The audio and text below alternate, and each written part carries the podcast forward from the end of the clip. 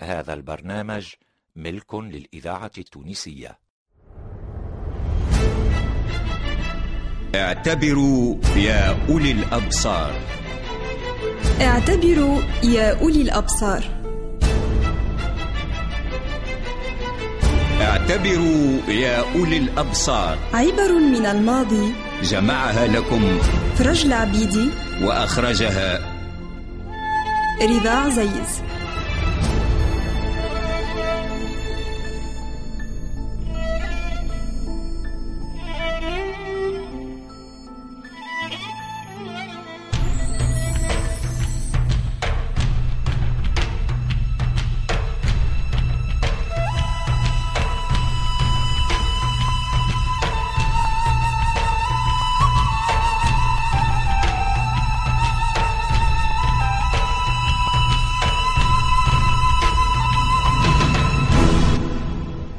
بينما أنا جالس في مسجد رسول الله صلى الله عليه وسلم إذ جاءني غلام أسود برقعة فقرأتها فإذا فيها مكتوب. بسم الله الرحمن الرحيم. متعك الله بمسامرة الفكرة ونعمك بمؤانسة العبرة وأفردك بحب الخلوة. يا أبا عامر أنا رجل من إخوانك. بلغني قدومك المدينة فسررت بذلك وأحببت زيارتك وبي من الشوق إلى مجالستك والاستماع إلى محادثتك. فسألتك بالذي حباك بالبلاغة لما تأخرت بزيارتك.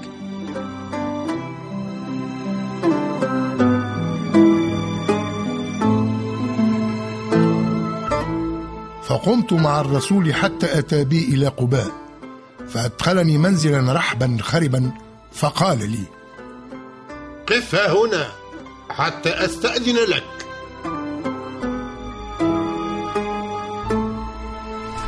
ادخل.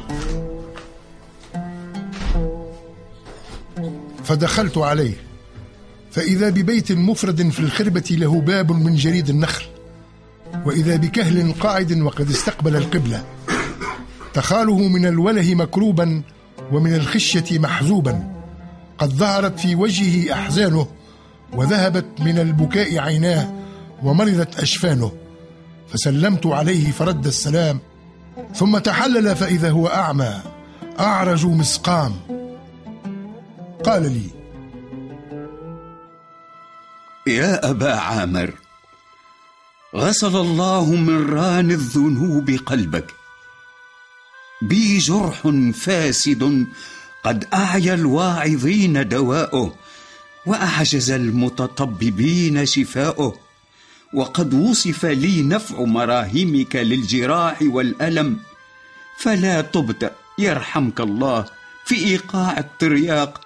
وإن كان مر المذاق فإني ممن يصبر على ألم الدواء رجاء الشفاء.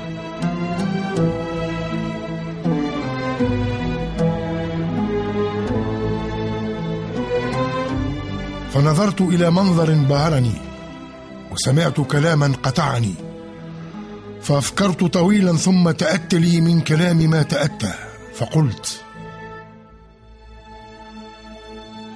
يا شيخ ارمي ببصر قلبك في ملكوت السماء وآجل سمع معرفتك في سكان الأرجاء.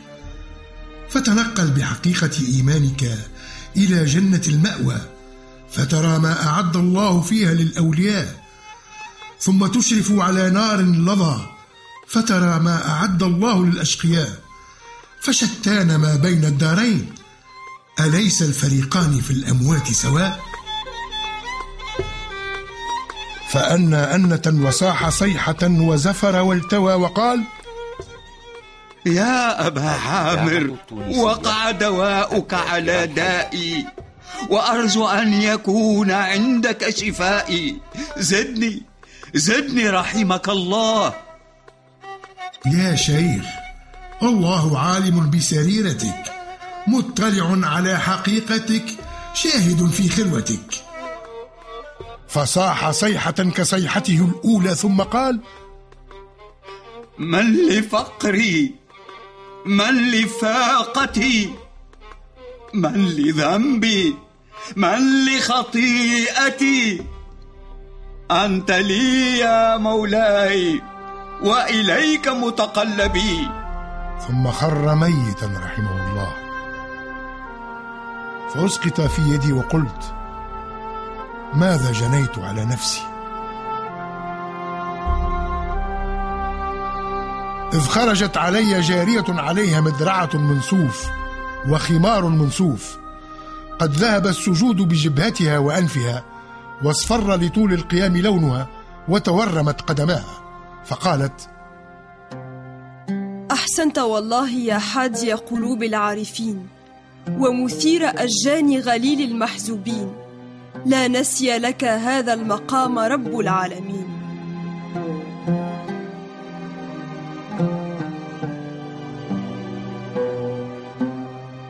يا أبا عامر هذا الشيخ والدي مبتلى بالسقم منذ عشر سنين. صلى حتى أقعد وبكى حتى عمي. وكان يتمناك على الله ويقول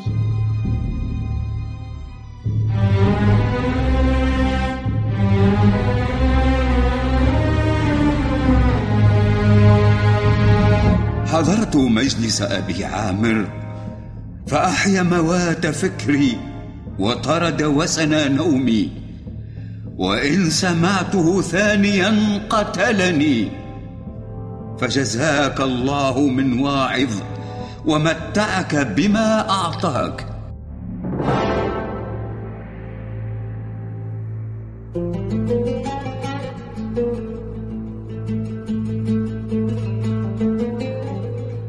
ثم أكبت على أبيها تقبل عينيه وتبكي وتقول يا أبي يا أبتاه يا من أعماه البكاء على ذنبه. يا أبي يا أبتاه يا من قتله ذكر وعيد ربه. ثم على النحيب والبكاء والاستغفار والدعاء وجعلت تقول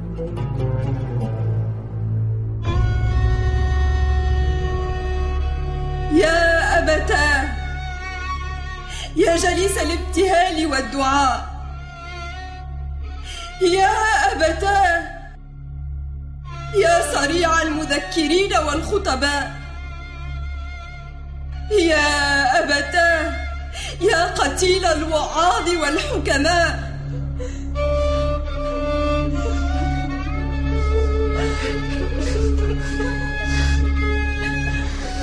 أيتها الباكية الحيرة النادبة الثكلى. إن أباك نحبه قد قضى وورد دار الجزاء وعاين كل ما عمل. وعليه يحصى في كتاب عند ربي. لا يضل ربي ولا ينسى. فمحسن فله الزلفى أو مسيء فوارد دار من أساء. فصاحت الجارية كصيحة أبيها وجعلت ترشح عرقا.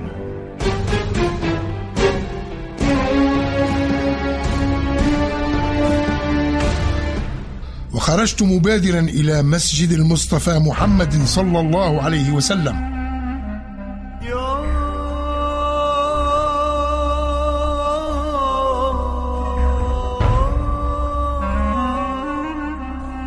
وفزعت إلى الصلاة والدعاء والاستغفار والتضرع والبكاء حتى كان العصر فجاءني الغلام فأذنني بجنازتهما فقلت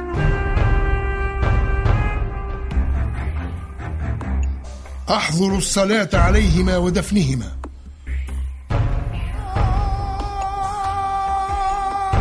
الإذاعة التونسية الذاكرة الحية. فما زلت جزعا حتى رأيتهما في المنام عليهما حلتان خضروان. فقلت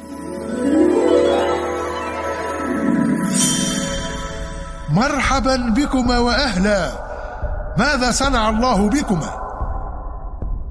أنت شريكي في الذي نلته مستاهلا ذاك أبا عامر.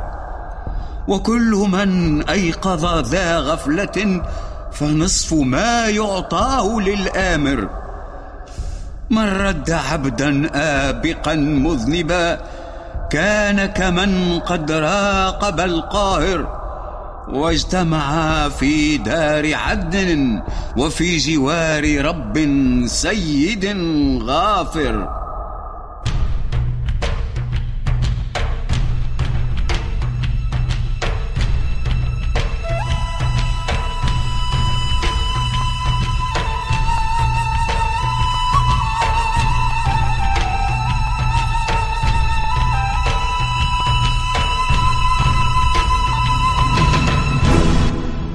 كان لأبي الحسن المكي ابنة مقيمة بمكة وكانت أشد ورعا منه وكانت لا تقتات إلا ثلاثين درهما ينفذها إليها أبوها في كل سنة. فأخبرني ابن الرواس التمار وكان جاره. جئت أودعه للحج وأستعرض حاجته وأسأله أن يدعو لي. فسلم إلي قرطاسا وقال خذ تسأل بمكة في جوار الحرم عن ابنتي وتسلم هذا إليها. فأخذت القرطاس وجئت فسألت عنها فوجدتها بالعبادة والزهد أشد اشتهارا من أن تخفى. فتتبعت نفسي أن يصل إليها شيء من مالي يكون لي ثوابه. وعلمت أنني إن دفعت إليها ذاك لم تأخذه. ففتحت القرطاس وجعلت ثلاثين خمسين درهما. ورددته كما كان وسلمته إليها. فقالت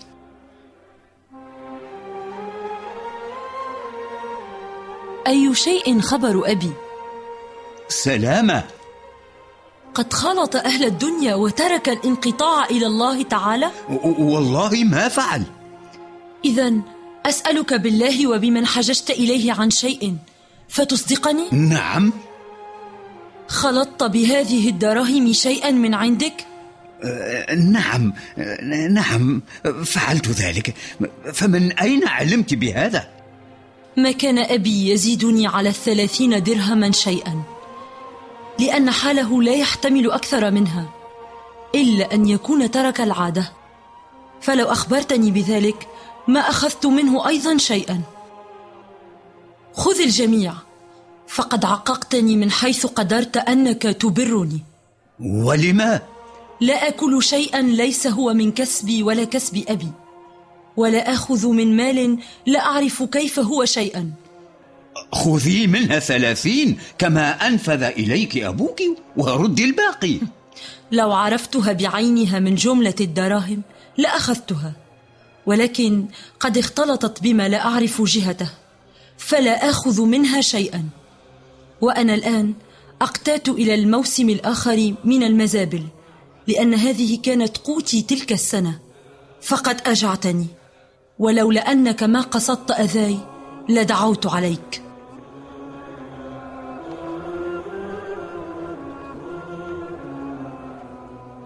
فاغتممت وعدت إلى البصرة وجئت إلى أبي الحسن فأخبرته واعتذرت إليه فقال لا آخذها وقد اختلطت بغير مالي وقد عققتني وإياها. فما أعمل بالدراهم التونسية لا أدري. المؤتمن على تصدق بها. الوطن.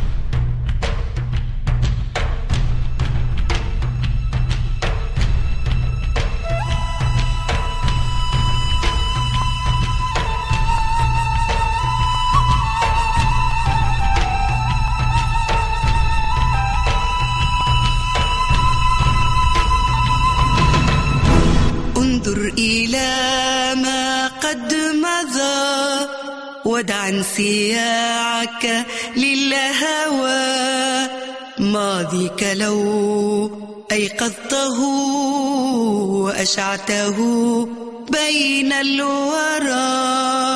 انظر إلى ما قد مضى ودع انسياعك للهوى.